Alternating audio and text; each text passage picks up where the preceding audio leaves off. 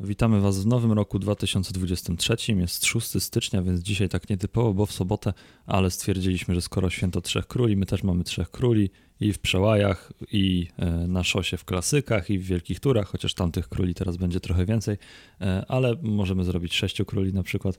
E, także porozmawiamy dzisiaj o tym, co zakładamy, że wydarzy się w nadchodzącym sezonie, w nadchodzących kilkunastu, a może nie kilkunastu, dziesięciu miesiącach. Zadamy sobie pytania dotyczące właśnie przebiegu wydarzeń na najwyższym szczeblu I także zapraszamy, żebyście wy włączyli się w naszą dyskusję w komentarzach, e, zarówno na Spotify, jak i w mediach społecznościowych na szosie.pl, chociaż raczej w mediach społecznościowych na szosie.pl, bo wtedy będziemy mogli wam odpowiedzieć. A podcast Tygodniówka na szosie.pl tradycyjnie poprowadzą Bartek Kozyra i Kacper Krawczyk. Zapraszamy do słuchania.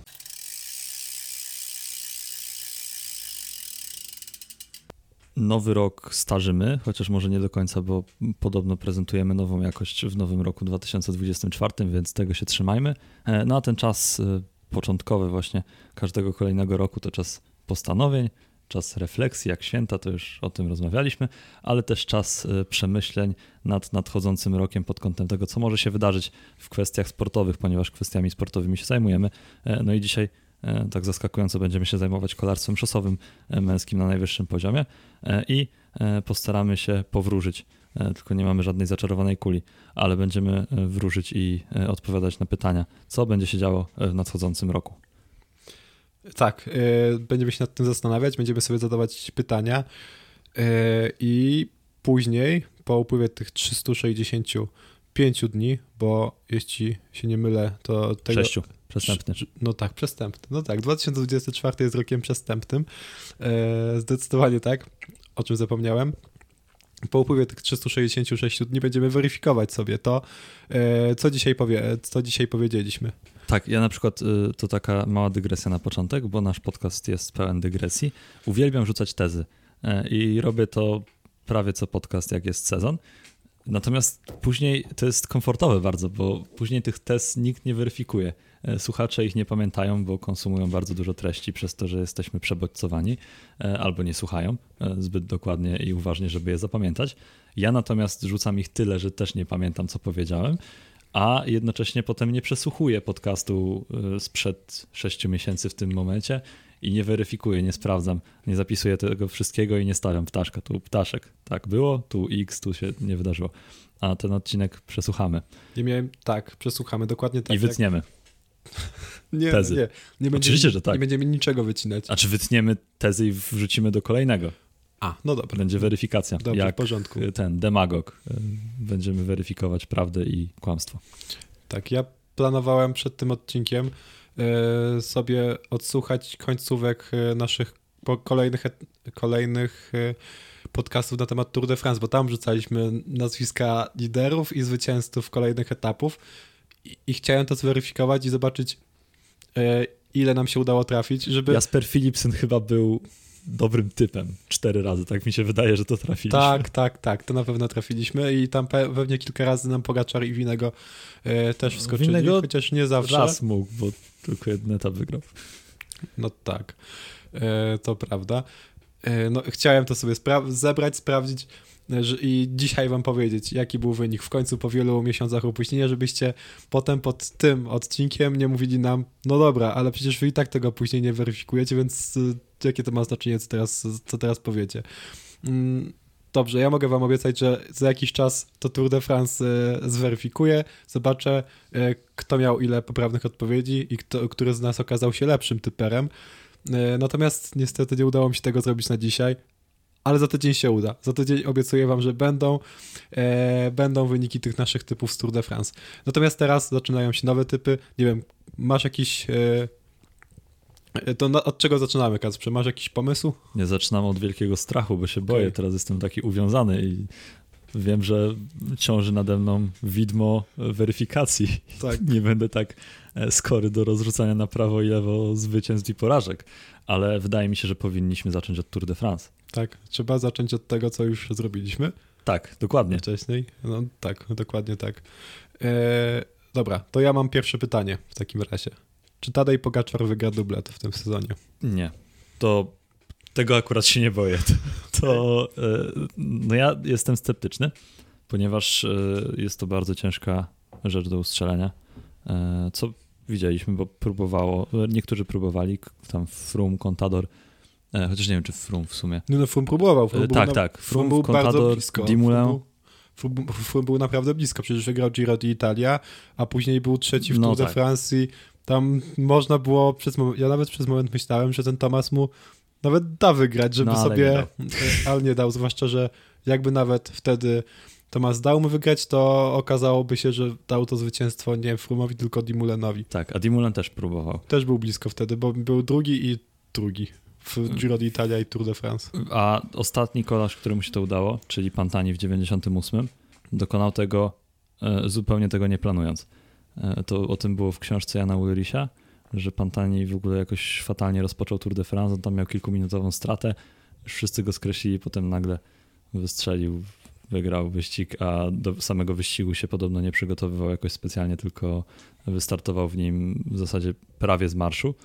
E, także e, no tam wtedy było wiadomo inne kolarstwo.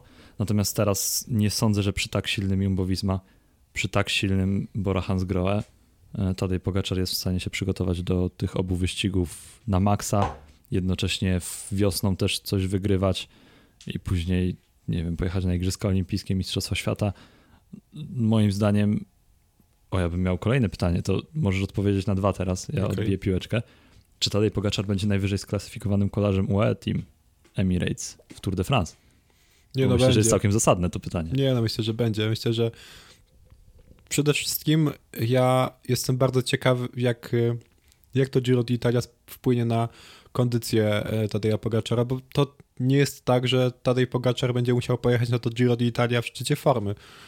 On nawet, nie wiem, jadąc na 80-90% swoich możliwości przecież jest w stanie zniszczyć, może nie zniszczyć, ale zdecydowanie pokonać swoich rywali, bo on tam nie będzie miał konkurencji praktycznie. Chyba tydzień czy dwa tygodnie temu sprawdzaliśmy, kto tam wystartuje i no szału nie ma. Tam jeden z jego, znaczy tam jego największymi rywalami będą chyba Simon Yates i Nairo Quintana. Yates jedzie Tour. Yates, to czekaj, to, to, to Zapraszano na szosie.pl, tam się pojawiła informacja. Znaczy jeszcze nie, ale jak usłyszycie podcast, to się pojawiła. Czekaj, teraz to zweryfikujemy. Nie no, to jest zweryfikowana informacja, okay. bo sam pisałem artykuł. Nie no spoko, tylko ja teraz e, chcę zobaczyć, kto pojedzie w takim razie na Giro d'Italia. Może pojedzie... Jan Brooks. No, to godny rywal do, dla Tadeja Pogaczara. E, tak, nie, nie, byłem pewien, że tam e, tydzień czy dwa tygodnie temu tam jeszcze na Pro Cycling Stats był był Simon Yates, e, także sobie nie zaktualizowałem wiedzy niestety. Natomiast Nairo Quintana jedzie. Nairo Quintana jedzie. Giulio Ciccone. E, Ed, Eddie Dunbar, no, Damiano Caruso. No, na razie to jest Wyborna. jeszcze wszystko bardzo wybrakowane, no bo wiadomo, że tych zawodników nie będzie 20 na starcie, jak, jak mamy tutaj na tej liście startowej. Na pewno Bora kogoś wyśle mocnego. Tak, no, Bora musi kogoś mocnego wysłać. Tak, ale no kurczę, wydaje mi się, że ta stawka mimo wszystko nie jest najmocniejsza. I, i tam Tadej Pogaczar nawet nie w pełni formy, jeśli nie stanie się nic złego, to powinien ten wyścig bez trudu wygrać. I potem no, tylko później no to i tak jak, jakoś musi chyba zmniejszyć jego szanse na końcowy triumf w Tour de France, nawet jeśli niewiele, bo nie wiem, czy to właśnie będzie duże osłabienie organizmu ten start w Giro d'Italia, czy nie, e, nie mam pojęcia szczerze mówiąc, no, a Jonas Winnego nawet będącego w pełni formy Tadeja Pogaczara by pokonał, czy inaczej, byłby faworytem po tym, co pokazał w dwóch poprzednich edycjach. A teraz nie będzie tylko Jonas Winigo, bo będzie też Evenepoel, który jest dosyć nieprzewidywalny. I Primoz Roglic. Tak, to będzie start który jest bardzo mocny. No. E, a dodatkowo, i to też jest właśnie ciekawe, że ta lista startowa Tour de France to w tym roku będzie fenomenalna, bo y, inni kolarze, tak można by się było spodziewać, że dobra, tych czterech jedzie Tour de France, to my sobie pojedziemy, wygramy, tam powalczymy we Vuelcie albo w Giro, a tu nie, bo przecież jest Yates, jest Carapaz, chodzi mi o drugiego Yatesa, chociaż trzeci, ten, znaczy no, pierwszy Yates od Pogaczara też będzie jechał G, e, Tour de France, e, więc będzie dwóch Yatesów, będzie Carapaz, będzie Rodriguez, będzie Pitcock, który myśli o top 5, co jest e, bardzo odważnym celem na przyszły sezon. No w, zeszłym roku, w zeszłym roku był blisko top, top 10, mimo tego, że nie do końca jechał na, na to, żeby być wysoko w klasyfikacji generalnej. no i też jest wciąż młodym kolarzem, który z każdym rokiem czyni bardzo duże postępy. Nie, No bo- Oczywiście, to y, ja bym absolutnie nie zabierał Tomowi Pitcockowi szans, bo on pokazał, że jest niezwykle wszechstronny. Ja pamiętam, y, jak on za Orlika wygrał Giro. I to, to była chyba taka bardzo duża przewaga, Tak, dobrze pamiętam? y, z ogromną przewagą, ale on jednocześnie odnosił też zwycięstwa w klasykach. Nie wiem, czy Paryż-Roubaix przypadkiem nie wygrał. Też mi się coś takiego kojarzy. Także- E, Tak, wygrał w 19 roku. Tak, dlatego on pokazał, że jest niezwykle wszechstronny i może iść w zasadzie w tę stronę, w którą sam będzie chciał. A też ma taką sylwetkę, że e, w górach, jak się temu poświęci, powinien sobie poradzić. Tylko pe- nie wiem, czy w tym roku. 58 kg. Tak, tylko nie wiem, czy w tym roku, zakładając, że on może, znaczy na pewno będzie bronił złota olimpijskiego z Tokio e, Mhm, no w tak. Paryżu w MTB. Dodatkowo na szosie też ta trasa całkiem mu pasuje, e, Mhm. więc on też może sobie za dużo y, na głowę włożyć. E, No ale tych faworytów, znaczy faworytów, kolarzy specjalizujących się w wielkich turach w Tour de France będzie naprawdę wielu, także hype na ten wyścig będzie ogromny. No ale to może o Tomie Pitcocku się wypowiesz i wypowiedzą się nasi słuchacze e, wierni, czy Tom Pitcock ma w ogóle szansę na top 5 w takim zestawieniu listy startowej Tour de France. Ja powiem coś, czego później nie będzie się dało zweryfikować i, i bezsprzecznie obalić. Uważam, że ma szansę na top 5, ale będzie mu to bardzo trudno i wydaje mi się, że, e, jakbym miał powiedzieć tak, e, e, udzielić jednej odpowiedzi tak albo nie, to powiedziałbym, że nie będzie w tym top 5, ale nie odbierałbym mu na to szans, bo, bo to jest bardzo utalentowany kolarz, ale też wydaje, wydaje mi się, że trochę mimo wszystko jego szanse ogranicza fakt, że że jest ta wielka czwórka, to po pierwsze, i po drugie jest Carlos Rodriguez, który wydaje mi się lepszy, na dziś lepszym wielkoturowcem niż, niż Tom Pitcock. Na pewno specjalistą. Tak. E, No i też e, wyniki, które osiągał wcześniej, bo Tom Pitcock mówił e, w wywiadzie, albo mówił to jego trener, już nie pamiętam, w każdym razie ktoś z jego otoczenia, albo on sam, mówił, że w ubiegłym roku i w e, czyli w 2023 i drugim, e, on nie miał w zasadzie takiego sprecyzowanego celu, po co on jedzie na Tour de France. E, A teraz będzie wiedział, że jedzie po generalkę, e, będzie się na tym skupiał i, e, i że teraz zagra to lepiej i top 5 jest w zasięgu. E, Tylko wydaje mi się, że e, w tym roku nie będzie w zasięgu top 5, bo ten rok będzie szalony. E, Wiadomo, że ktoś się na pewno wycofa, ktoś zaliczy kraksę, ktoś może jeszcze wcześniej będzie miał kontuzję i nie wystartuje w ogóle w Tour de France, ale nie sądzę, że tych kolarzy, którzy będą mieli jakieś problemy, będzie aż tylu, że Tom Pitcock się doczłapie do tej czołowej piątki.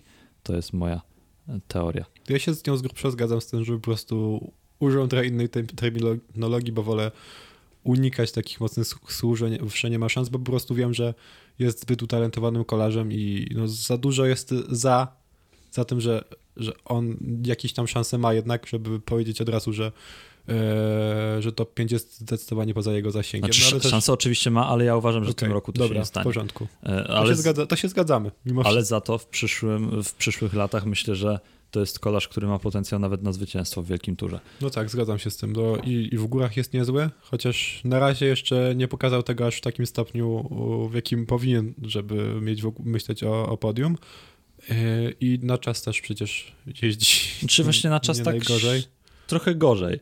Ale ale- też nie jest, najgo- nie, jest, nie jest słaby. A ja w sumie nie wiem, bo on pokazał kiedyś? No 18 na etapie Tour, y, Tour de Suisse z tego co widzę. No To nie była wcale górska czasówka. No to nie e, jest jakiś taki znakomity No nie, no wynik. jeździ okej. Jeździ- Nie, w sumie myślałem, że jest trochę lepszy, ale, ale no nie jest też, nie jest też słaby. Jest średni. No jest tak jak wielu. e, Tak, e, na pewno te czasówki nie skreślają go. e, Jeśli, Tak, no i też pewnie jest są tam ani- jakieś rezerwy, żeby się poprawić. To... No tak. A dodatkowo tutaj na jego korzyść w kontekście przyszłych sezonów przemawia też to, że Ineos ma doświadczenie w przerabianiu kolarzy z klasykowców albo z innych specjalizacji na zwycięzców wielkich turów, bo przecież i Wiggins i Geraint Thomas, także może Tom Pitcock będzie następny. E, Zobaczymy. A sk- skoro już jesteśmy przy Ineosie, Niestety z Michałem Kwiatkowskim się nie udało. e, no ale Michał Kwiatkowski też swoje osiągnął, To prawda. swoje wygrał. e, Bardzo doceniamy. E, Do Michała Kwiatkowskiego może Ale przejdziemy. on sam mówił, że, że jest zawiedziony tym, że nie udało się to z nim. No trudno. Tak bywa czasem. Nie wszyscy mogą wygrać wielkie tury. Są tylko trzy takie wyścigi e, w jednym sezonie. Michałowi Kwiatkowskiemu się to nie udało, ale e, może wygra etap. Ale ja mam pytanie do Ineosu e, inne trochę. E, Czy Egan Bernal e, w tym roku wróci e, nie do najwyższej dyspozycji, ponieważ e, uważam, że to w ogóle no, on, oni sami nie wiedzą, czy to jest możliwe jeszcze na przestrzeni całej kariery, ale czy wróci do walki o czołowe pozycje w wyścigach World Tourowych na tygodniówkach, załóżmy. A co masz na myśli mówiąc, że wróci do walki o czołowe? Że w top 5 będzie top się 5. kręcił w wyścigach, w wyścigach World Tourowych. Myślę, że jest szansa. Ja, dobra, myślę, że tak. Myślę, że uda mu się znaleźć w czołowej piątce któregoś z wyścigów tygodniowych. No dobrze, bo to znaczy w sumie, no bo on już był blisko w Romandii mhm. i wiadomo, że Romandia to nie jest całkiem prestiżowy wyścig, ten, ten tych top 7, bo tam jest siódemka najbardziej prestiżowych etapówek y, rangi World Tour. Y, do Romandii zazwyczaj nie przyjeżdża nikt, kto E, chce walczyć w Giro d'Italia, a to nie, ma no, być... Nie, nie, z tym nikt to spokojnie. Już ustaliliśmy, Zazwyczaj. w zeszłym roku byli tam i Caruso, i, I Pino. Pino. No tak, e, ale... I, I to tyle. Jeszcze Romain Bardet, nie wiem, czy on... Nie, on startował w zeszłym roku w... w Tour de France. Tour de France. I no, w Welcie, ale tak. E, chodzi mi tutaj o to, że to nie jest idealne przygotowanie do Giro d'Italia ze względu na to, że ten wyścig jest po prostu za blisko, a do Tour de France jest za daleko, więc to jest taki wyścig troszeczkę e, wciśnięty do kalendarza, znaczy no nie wciśnięty, bo on tam był w tym kalendarzu od lat, ale no, on tak jest i tam przyjeżdżają mocni kolarze, ale raczej nie ci z tej ścisłej światowej czołówki, co zresztą widać po wynikach rok po roku. Chyba ostatni raz, z tego co pamiętam, to tam zwyciężył kolarz taki ze światowego topu, E, w momencie, w którym. Nie no, był... spokojnie, w sensie w zeszłym nie. roku wygrał to Adam Yates. Nie no tak, no, wiadomo, że etapówki World Tour nie, nie wygrywają słabi Ale kolarze. Adam Yates to jest kapitalny zawodnik, jeśli chodzi o tygodniówki World Touru. Jeden tygodniówki tak, ale drugi był Mateo Jorgensen. To, to, już jest, to już jest inna sprawa. To, że wygrał Adam Yates, to okej. Okay. E, no, w ubiegłym roku trzeci był Simon Geszke. E, ale Wcześniej, tak, tak. był też, Fausto Masnada. Też mnie to zdziwiło, ale to nie był ten rok, w którym była ta fala e, wycofań. Tak, tam to w ogóle storpedował COVID i Tour de Suisse chyba i wcześniej Tour de Romandie. E, także tam się działy rzeczy niezwykłe. A w 2021 roku wygrał Thomas, to, to, to jest top. To no jest oczywiście, że tak. Top topów. Tylko, że no, czyli 23... Fausto Masnada, który nie jest topem topów, nawet w tygodniówkach World Tour i wtedy też nie był. To był po prostu solidny góral. Choć to był jego najlepszy sezon w karierze, bo chyba w, tym, w tamtym właśnie roku był drugi film Lombardia tak, tak. tym pojedynku z Pogaczarem, ale no tak, nie, no ja generalnie nie zamierzam polemizować z tym, że Tour de Romandie to nie jest najbardziej prestiżowa tygodniówka na świecie. Ale był ósmy. Nawet, nawet jeśli... Yy, Bernal, w solidnym gronie w Romandii w tym roku. Aha, no nie no, w sensie tak, był ósmy w tym roku Bernal, e, dokładnie tak. E, no, ale nie zamierzam się kłócić z tym, że Romandia to nie jest najbardziej prestiżowa tygodniówka, choć e, akurat zwycięzców tego wyścigu to bym się nie czepiał, bo tam chyba w przyszłości i Frum wygrywał e, i no, jest, jest kilku naprawdę znakomitych... Nie, zwycięzcy tak, ale miejsce na podium tam już było ciekawie czasami. Natomiast chodzi mi o to, że Bernal, no wiadomo, był ósmy, więc całkiem blisko tej piątki. Natomiast no, ja też uważam, że, że jest w stanie to zrobić, że jest w stanie to osiągnąć. Pokazał to później e, jeszcze w Vuelcie, jak uciekał, tam też było ok na podjeździe. Wiadomo, że to, e, to absolutnie nie był ten Egan Bernal, którego pamiętamy z Turu, czy chociażby z Giro 2021, ale no trochę wraca. On zresztą sam mówi, e, ostatnio w rozmowie z Geraintem Tomasem powiedział, że no to, to wszystko nie jest najważniejsze, bo on się cieszy, że w ogóle może żyć po tym wypadku i że dostał drugą szansę i E, i że no, no generalnie i tak to jest cud, że e, może chodzić, jeździć na rowerze i się ścigać. No tak, ja właśnie z niecierpliwością czekam na ten, e, na ten kolejny sezon w wykonaniu Bernala, no bo kurczę, ja wierzę w to, że on jednak jest w stanie wrócić, bo nie w tym, w tym roku nie wróci na ten swój najwyższy poziom, ale wierzę w to, że no nie wiem, za dwa sezony, za trzy znów będzie w stanie się być może bić o, o zwycięstwo, o podia wielkich turów. Ja wierzę, że to jest możliwe. Nie wiem, widziałem, widziałem ten, jego występ na Vuelta San Juan w tym roku, na, w poprzednim roku nawet na początku i to wyglądało super, tylko, no tylko potem się przyglądała kolejna kontuzja. I ja mam nadzieję, że kolejnych już nie będzie, że to już nie będzie tak, że, e, że mu znowu będzie coś dolegało, bo też bo on generalnie jest takim kolarzem, do którego takie kontuzje drobniejsze i większe się przyplątują, niezależnie nawet od tego wypadku, e, o którym, no, wszyscy, który wszyscy pamiętamy, po którym długo dochodził do, e, do zdrowia i, i który mógł się zakończyć jego śmiercią, no to przecież jeszcze wcześniej, przed drog po zwycięstwie w Tour de France musiał się wycofać z wyścigu z powodu bólu pleców, jeśli dobrze pamiętam. Tak, i to był ten covidowy no. rok. To jest ciekawe, czy ktoś w ogóle się temu przyjrzał od strony takiej E, zdrowotnej, w sensie czy jakiś lekarz przeprowadził badania na ten temat, bo wtedy wielu kolarzy cierpiało na takie problemy z plecami, kolanami. Właśnie. No chyba też. E, tak, ale też e, kilku innych miało problemy z, z kolanami, z plecami po powrocie do ścigania, więc może tam odegrało to istotną rolę, że było mało czasu na takie wejście w rytm wyścigowy, przygotowanie się, bo no zazwyczaj te wyścigi najważniejsze dla kolarzy, są po, nie wiem, miesiącu, dwóch startów. E, to znaczy, no wiadomo, że przed Tour de France nie startują przez miesiąc cały czas, ale już są w tym rytmie wyścigowym w, w miarę. Natomiast przed klasykami też to nie jest tak, że kolarze, najczęściej oczywiście, że przyjeżdżają na pierwsze klasyki już od razu, to są ich pierwsze wyścigi i tam walczą o zwycięstwo, tylko mają jakieś takie wyścigi, które budują tę formę i też wprowadzają ich na te wysokie obciążenia.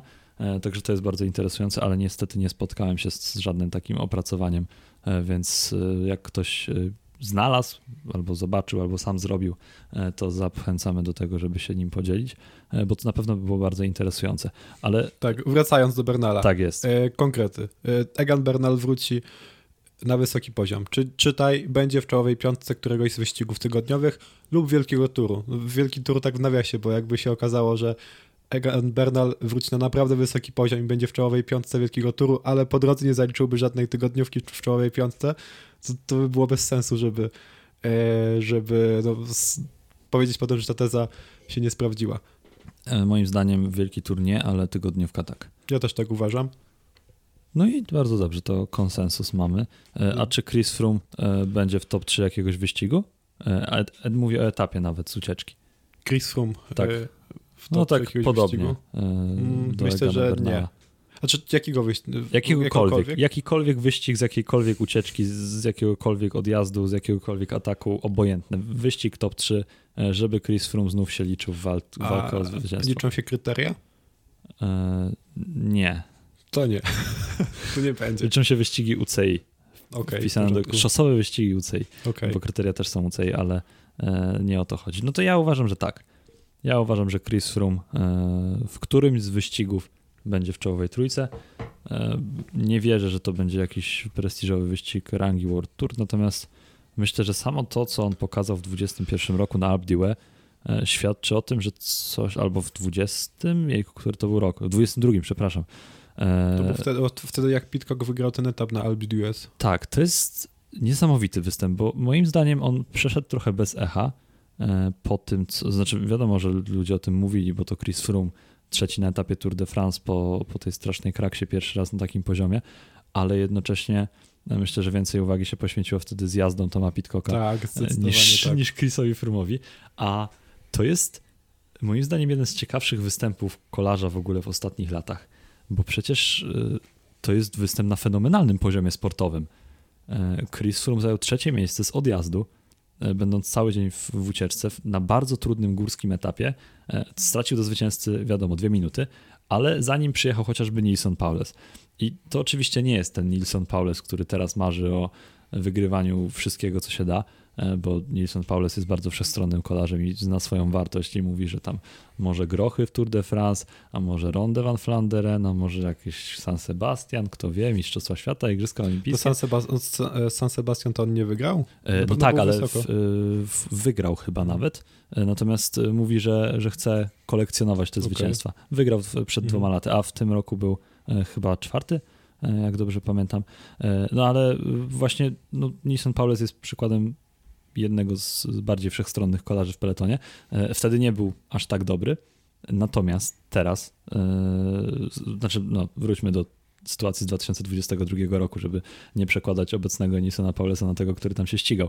Ale to nie był e, jakiś byle jaki kolarz, który tam się pojawił, tylko no. No, Chris Froome pokonał Nisona Paulesa. Nie no, kurczę, to był kolarz, który już w, w przeszłości miał spory wpływ na choćby sukcesy wielkoturowe Primoza Roglicza, który kilka miesięcy później... I wygrał ten San Sebastian kilka tak, miesięcy wcześniej. No tak. Więc... E, który kilka miesięcy później rywalizował jakoś tam z, z Wielką Trójką w klasykach. To, to, nie, to nie było dawno temu po, po prostu, więc to też e, no, on musiał być bardzo dobry. No, nie wyobraż, w sensie nawet ci, którzy nie pamiętają e, tam Nilsona Paulesa z tamtych czasów, muszą wiedzieć, że on wtedy musiał być mocny, bo jeśli nie byłby mocny wtedy, to kilka miesięcy później nie walczyłby w klasykach z Wielką Trójką. Ja bym powiedział tak, że moim zdaniem nie możesz być, musisz być piekielnie mocnym kolarzem, żeby dojeżdżać do mety w, z odjazdów Tour de France. Mm. Bez względu na to, czy to jest jakiś płaski etap, czy pagórkowaty, czy górski. Po prostu słabi kolarze nie dojeżdżają do mety w, na jakiejkolwiek pozycji po ucieczce. E, przed peletonem oczywiście. E, Damiano Więc... Cima. Nie no, w sensie... nie no, nie no, nie był słaby, no nie. No, nie, nie, nie był słaby, ale też, nie. ale też pokonanie, nie no, ja myślę, że teraz trochę popłynąłeś, w sensie ja wiem, zgadzam się z tobą, że Damiano Cima nie był wtedy słaby, ale chodzi mi po prostu o to, żeby już e, tak, tak mocno podpompo, podpompowaliśmy tych kolarzy, z którymi przegrał Chris Froome wtedy wygrał. I, i z którymi wygrał Chris Froome wtedy, że teraz wprowadzanie do tego grona e, Damiano Cimy i, i, innych kolarzy, którym się zdarzało wygrać, e, wygrać etap po ucieczce, albo po prostu być e, w ucieczce, która dojechała przez peletonem, jest trochę bez sensu. Znaczy, ja uważam, że ogólnie World Tourowcy to jest poziom nadczłowieczeństwa, dlatego może przy tym zostańmy. I Chris Froome jest wśród, był wtedy wśród tych World Tourowców, natomiast on nigdy ani razu mu się nie udało być w czołówce i nawet tego nie pokazał przez te 4 lata y, w żadnym z wyścigów. Pamiętam, jak w tym albo w ubiegłym roku był ten klasyk y, francuski w górach, y, co wygrał Woods chyba, albo Fulzang. Tak, ten Mer Mercant. Albo nie, tak, nie, nie, znaczy to nie, nie zwyciężył tam, bo tam Carapaz wygrał, teraz widzę, ale wtedy Frum jechał jakoś tak na 14 pozycji, teraz widzę. No to to był taki bardzo ciekawy występ Fruma i E, tam się mówiło, że o, Frum wrócił, bo tam pracował w górach jechał w czołowej e, grupie, no ale to był najlepszy wynik od tamtego no czasu. Tak, no tak. A ten etap na Alpe to był naprawdę fenomenalny. To jest dla mnie do tej pory niewytłumaczalne, w jaki sposób Chris Froome to zrobił. I też zadaję sobie pytania, dlaczego później już tej formy nie pokazał. Tak, ani później, ani wcześniej. Tak, od, od jednorazowy wystrzał. I dlatego właśnie to był... tak, tak, no, dziwna sprawa generalnie strasznie, ale no tak, tak właśnie było. Tak, więc ja uważam, że Chris Froome będzie trzeci, albo drugi, albo pierwszy ja uważam, wyścigu w tym. Ja uważam, że nie, że, że to się nie zmieni z tym, że Alp Diaz było jednorazowym wystrzałem. Ale zobaczymy oczywiście. Życzę, yy, życzę, żeby mu się udało, bo zawsze, mimo tego, że Fruma jakoś specjalnie nie lubiłem w czasie, kiedy był dominatorem, to jakoś tak, nie wiem, pewnie nie jestem jedyny, że po prostu fajnie jest oglądać yy, wielkich kolarzy, to znaczy kolarzy, którzy kiedyś byli wielcy i teraz wracają e, do formy. Ale nie, wydaje mi się, że, że to nie będzie ten przypadek. No dobrze. Chciałbym, chociaż chciałbym się mylić. Jakie masz pytanie, Bartku, jeszcze? Jakie jeszcze mam pytanie? Mam pytanie, e, czy yy, nie wiem, mam, czy, czy Jonas Winego wygra trzeci raz z rzędu Tour de France, ale ja na to trochę odpowiedziałem. Ty... Ja no i to jest jedno z tych pytań, gdzie nie chciałbym odpowiadać tak, nie, bo moim zdaniem tam jest... Ja bym bardzo chciał, żeby Primoz Roglic wygrał. Roglic. I nie dlatego, że jestem jakimś wielkim fanem, tylko e, uważałbym to za bardzo ciekawe rozstrzygnięcie tego sporu jumbowego z ubiegłego roku i no i tak też trochę e, empatycznie uważam, że ten triumf Tour de France mu się trochę należy. Mm, ja uważam, tak jak uważałem w przypadku e, tamtego jumbowego zamieszania z Vuelta Espania, że nikomu nic się nie, nie należy w sporcie i że swoje trzeba wywalczyć, ale bardzo bym chciał, że inaczej. E, trochę bym trzymał kciuki za Primorza Roglicza. To było takie właściwe, ale, jakby tak, wygrał ten Tour de France. E, tym bardziej, jeśli okazałoby się, że Jumbowizma na przykład wystąpi, nie Jumbowizma, Bora Hansgrohe przystąpi do tego Tour de France jako Red Bull Hansgrohe, albo Red Bull Bora, albo cokolwiek innego, bo zawsze miałem słabość do zespołów z tego Red Bulla. Choć sam energetyków nie, nie piję, to dobrze Teraz mi się energetyki to w ogóle są zakazywane od tak. plus 18 podcast. A to mi się kojarzy z Verstappenem, z Vettelem, z, e, z Red Bull Leipzig, czy RB Leipzig, czyli Rasenballsport Leipzig, czyli niemieckim zespołem, który też lubię. E, więc jakby wtedy bym, e, wtedy bym był za Primożem Rogliciem jeszcze bardziej. Natomiast jeśli pewno was nie interesuje to, za kim ja bym był, ale bardziej interesuje was to, co ja uważam, to uważam, że Primoż Roglic nie wygra z, z Winego, bo po prostu Winego jest lepszym góralem e, i lepszym e, kolarzem na wielkie tury. Moim zdaniem też, ale w sensie moim zdaniem też jest lepszy, ale ja nie powiem, czy Jonas Winigo wygra, czy nie wygra. Albo powiem, że Primoz Roglic wygra. O tak. Okej, okay, no dobra, to będziemy weryfikować potem bez względu, nie? Tak, a y, mówiłem kilka, no dwa lata temu, na początku sezonu, jak z kolegami pisałem na temat przewidywań przed sezonem, że Tadej Pogaczar nie wygra Tour de France i to była całkowicie losowa teza, no i nie wygrał. Więc może teraz zakończę dwuletnią dominację Jonasa Winigo e, w ten oto sposób, także e, trzeba zapamiętać ten podcast, trzeba do niego wrócić, e, a najwyżej nie będę miał racji. Nie pierwszy, nie ostatni raz, także nic się nie stanie wielkiego. Jakie jeszcze pytania? Bo pamiętam, że miałeś tych pytań całkiem sporo. E, tak. E, jednym z tych pytań jest. No tutaj akurat doszło do, do dziwnej sytuacji, bo zacząłem pisać e, imię i nazwisko kolarza i musiało coś mnie rozproszyć i nie napisałem nazwiska, więc wygląda to tak, jakby nagle Anthony Joshua y, zaczął startować w wyścigach kolarskich i miałby zostać nowym królem czasówek, ale oczywiście chodzi mi o Joshua Tardinga. Czy to on zdominuje czasówki na, no, w najbliższym sezonie, bo to jest, y, ten podcast dotyczy no, tego sezonu, który za chwilę się rozpocznie.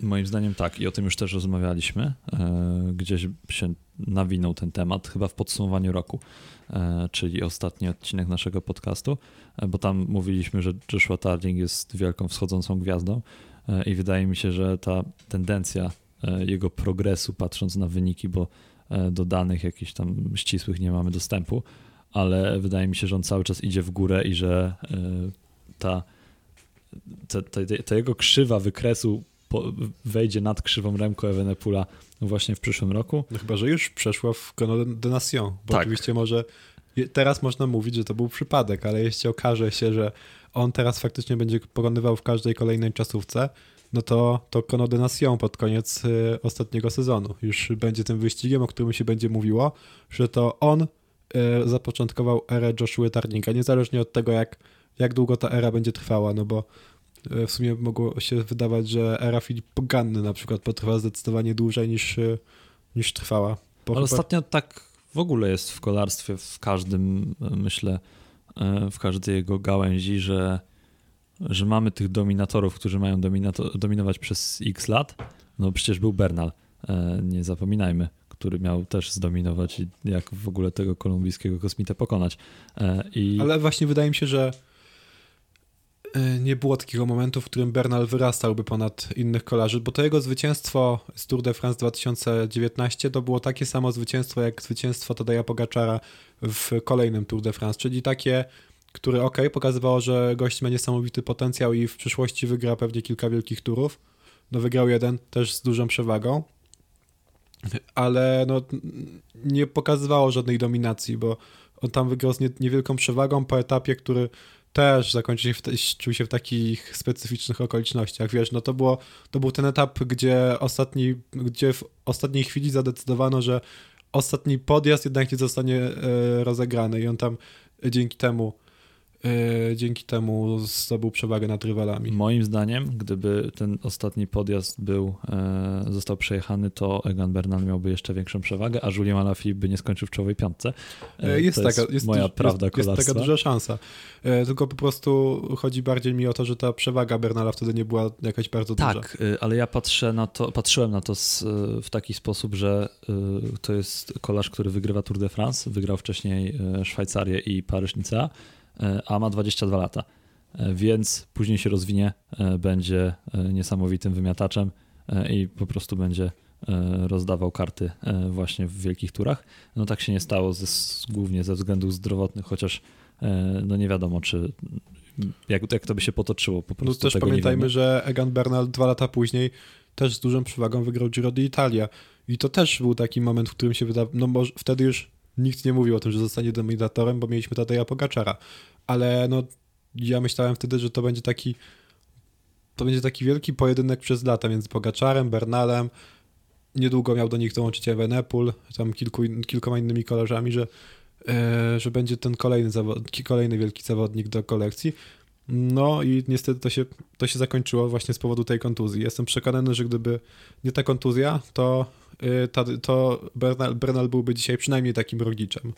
No może bardzo, kolarzem nieco gorszym. Bardzo możliwe, natomiast wracając do czasówek, y, bo od tego żeśmy wyszli, to ja uważam, że y, to, to, to, nie będzie tak, że dominacja Remco Evenepoela się skończy e, tak drastycznie, że Remco Evenepoel nagle zacznie zajmować miejsca w, w, końcówkach czołowych dziesiątek, ale wydaje mi się, że Joshua Tarding będzie bardzo mocnym graczem na tym rynku e, czasówkowym. I też interesujące jest to, że w zasadzie e, może się wydarzyć taka sytuacja, że nie zobaczymy żadnego pojedynku Tarlinga z Evenepoelem przed Igrzyskami Olimpijskimi albo z Ganną jednocześnie. To już w ogóle myślę, że jest niemożliwe, żeby ta trójka się gdzieś spotkała, bo e, Joshua Tarling nie pojedzie Tour de France raczej. E, zakładam, że będzie się przygotowywał do, e, do Igrzysk Olimpijskich, a też dodatkowo nie wiem, czy jest takim kolarzem, którego Ineos by potrzebował na wielki tour w tym momencie. No też mam wątpliwości. A mistrzostw... no, chyba, że, no chyba, że pełniłby taką Zależy jak, jak wyglądają jego umiejętności takiej jazdy po płaskim. To znaczy, no na pewno są rewelacyjne. W sensie, jak, jak się sobie radzi w roli takiego pilota. Na pewno są super te umiejętności, tak mi się wydaje, no tak powinno być, tylko że y, Ineos ma wielu takich kolarzy, którzy mogą pełnić taką rolę, a jednocześnie mogą pomóc w trudniejszym terenie. Ja sądzę, że to się po prostu będzie gryzło z przygotowaniami do igrzysk. On pojedzie być może Giro y, i tam y, będzie pełnił rolę takiego konia na płaskie plus pojedzie czasówki. Natomiast no, nie będzie Mistrzostw Europy przed Igrzyskami, nie będzie Mistrzostw Świata, e, bo one będą jesienią jedne i drugie, e, więc e, no, można tylko liczyć na to, że któreś etapówki z czasówką się pokryją w programie Evenepula, Tarlinga, Ganny, tylko że programu Tarlinga jeszcze nie ma, więc to możemy palcem po wodzie pisać i, i wróżyć, gdzie on wystartuje. Natomiast no, to będzie interesujące, że na pewno część z kolarzy, których będziemy uznawać za faworytów do e, złota czy tam do medalu Igrzysk Olimpijskich w Paryżu, jeżeli chodzi o czasówkę, w ogóle nie będzie miało konfrontacji między sobą. No to też nie jest e, nic nowego, bo wydaje mi się, że choćby przed tego ubiegłorocznym już e, mundialem kolarskim też mówiliśmy o tym samym, że nie było takiego jednego wyścigu, w którym zobaczylibyśmy wszystkich tych kolarzy, stąd, stąd to, kto, kto z nich okaże się najlepszy, E, było sporo mnie wiadomo, bo choćby taki Evenepoel, e, to no nie wiem, raz się zmierzył z Ganną na Giro di... Ganna startował w Giro d'Italia w zeszłym roku, czy nie? Ojejku, nie pamiętam. Bo jeśli Ganna nie startował w Giro d'Italia, to nawet tam się nie spotkali. Yy, Wydaje mi się, że... Nie, ten... startował, ale się wycofał. Mhm. Przed jeszcze drugą czasówką, więc wcześniej niż Evenepoel, mhm. a w pierwszej zajął drugie miejsce. Ale znaczy, no, to jest specyfika po prostu czasówek, no. bo czasówek nie jest tak dużo logicznie jak wyścigów ze startu wspólnego. I też wydaje mi się, że ta, ta hierarchia czasówek nie jest aż tak. E, w sensie no, to jest naturalne, że najlepsi wielkoturowcy się spotykają podczas Tour de France zazwyczaj, e, no chyba, że jest, jest coś, co sprawia, że, że któryś z nich e, no, wybiera Giro d'Italia czy, czy Vuelta Espania. Natomiast z, czas, z czasówkami chyba trochę inaczej, nie jest do końca tak, że, że wszyscy najlepsi czasowcy udają się na Tour de France, albo wszyscy najlepsi no, czasowcy nie. udają się na Giro d'Italia, czy na jakiś tam inny wyścig. Że... też nie jest takim wyścigiem wbrew pozorom. Też nie jest wyznacznikiem. Tak. E, tym bardziej, że organizatorzy coraz mniej szanują czasowców, bardzo często odchodząc od tych czasówek w porównaniu do e, edycji sprzed kilkunastu lat. Tych czasówek jest coraz, coraz mniej. E, no przecież w ubiegłorocznym Tour de France była tylko jedna i to taka, że żaden czasowiec, taki czasowiec specjalizujący się w płaskim terenie, by tam nie pojechał myśląc o tym, żeby wygrać. Na dodatkowo jeszcze chciałbym wspomnieć o takim kolarzu, żeby nie było, że nie pamiętamy, jak Stefan King. No On tak. też istnieje, tylko że nie wiem, czy. Znaczy, inaczej. Stefana Kinga jak najbardziej stać na złoto i Mistrzostw Świata i Igrzysk Olimpijskich, e, tylko że u niego to nie będzie taki duży skok jak u Joshua Tarlinga e, na przestrzeni tam, nie wiem, kilkunastu miesięcy, bo przecież Joshua Tarling to dopiero e, stał się zawodowym kolarzem, e, bo Stefan King od lat jest w tej światowej czołówce. Ja bym, mam nadzieję, tutaj nie, będzie, nie będę miał żadnego pytania, ale mam nadzieję, że Stefan King w końcu, znaczy w końcu, no, no że zdobędzie ten medal Igrzysk Olimpijskich, bo jak mu brakło, brak ułamku sekundy do tego, żeby to zrobić w, w 2021 roku, to było naprawdę niesympatycznie. E, tym bardziej, że to nie pierwszy taki przypadek, gdzie Stefan, Stefanowi Kingowi brakło, e, bo e, no, jest to pechowy czasowiec, od którego zazwyczaj znajdzie się ktoś odrobinę lepszy. Chociaż też ma swoje triumfy, bo przecież był mistrzem Europy i to dwa razy. Tak, to prawda. No ja myślę, że jednak on będzie jednak wydaje mi się, że on będzie miał mniejsze szanse na to, żeby zdobyć jakiś, e, no, jakieś złoto, czy to na igrzyskach, czy to na, czy to na mistrzostwach świata niż, e, niż Evenepoel chociaż oczywiście no może tak być, że no nie będzie to żadną niespodzianką, jeśli stanie się inaczej. A jeszcze jest Biseger. Tak. Ktoś się może też przygotować stricte pod Igrzyska Olimpijskie. Tobias Foss? oczko puszczone do Norwegii. Też może do Remiego Cavani. Kto wie, co tam siedzi w głowie u TGV z Clermont-Ferrand. E, teraz będzie się Podobno ścigał. klasyki. Tak, no Patryk Lefebvre mówił. Klasyki oczywiście, że mu siedzą, ale e, on nie wie, że on się nie nadaje na klasyki, tak jak Patryk Lefebvre, który swoją drogą świętuje dzisiaj urodziny, więc wszystkiego najlepszego dla Patryka Lefebvre'a. E, także e, oczywiście to nie są nasze słowa, że remikowanie się nie nadaje do klasyków, tylko e, belgijskiego menedżera, który mówi, że no remikowania chce iść do ekipy, żeby być liderem na klasyki. No ale gdzie on na klasyki? E, no, więc... jakieś tam klasyki wygrywał już w swoim życiu. Tak, ale jak już ustaliliśmy, nie wygrał Dwarsdorf Flanderen, tylko wygrał Dwarsdorf Westflanderen. Tak, a to jest jednak różnica. E, tak, e, i wygrał tam z kolegą z drużyny Florianem Seneszalem. Ciekawe, czy mu oddał zwycięstwo Seneszal, czy e, remikowania po uczciwym sprincie sięgnął po triumf. No, ciekawe, ciekawe. jest to niezwykle interesujące, aż sobie dzisiaj obejrzę końcówkę, bo Końcówka się wydawała ciekawa. To jest wyścig e, z 2018 roku.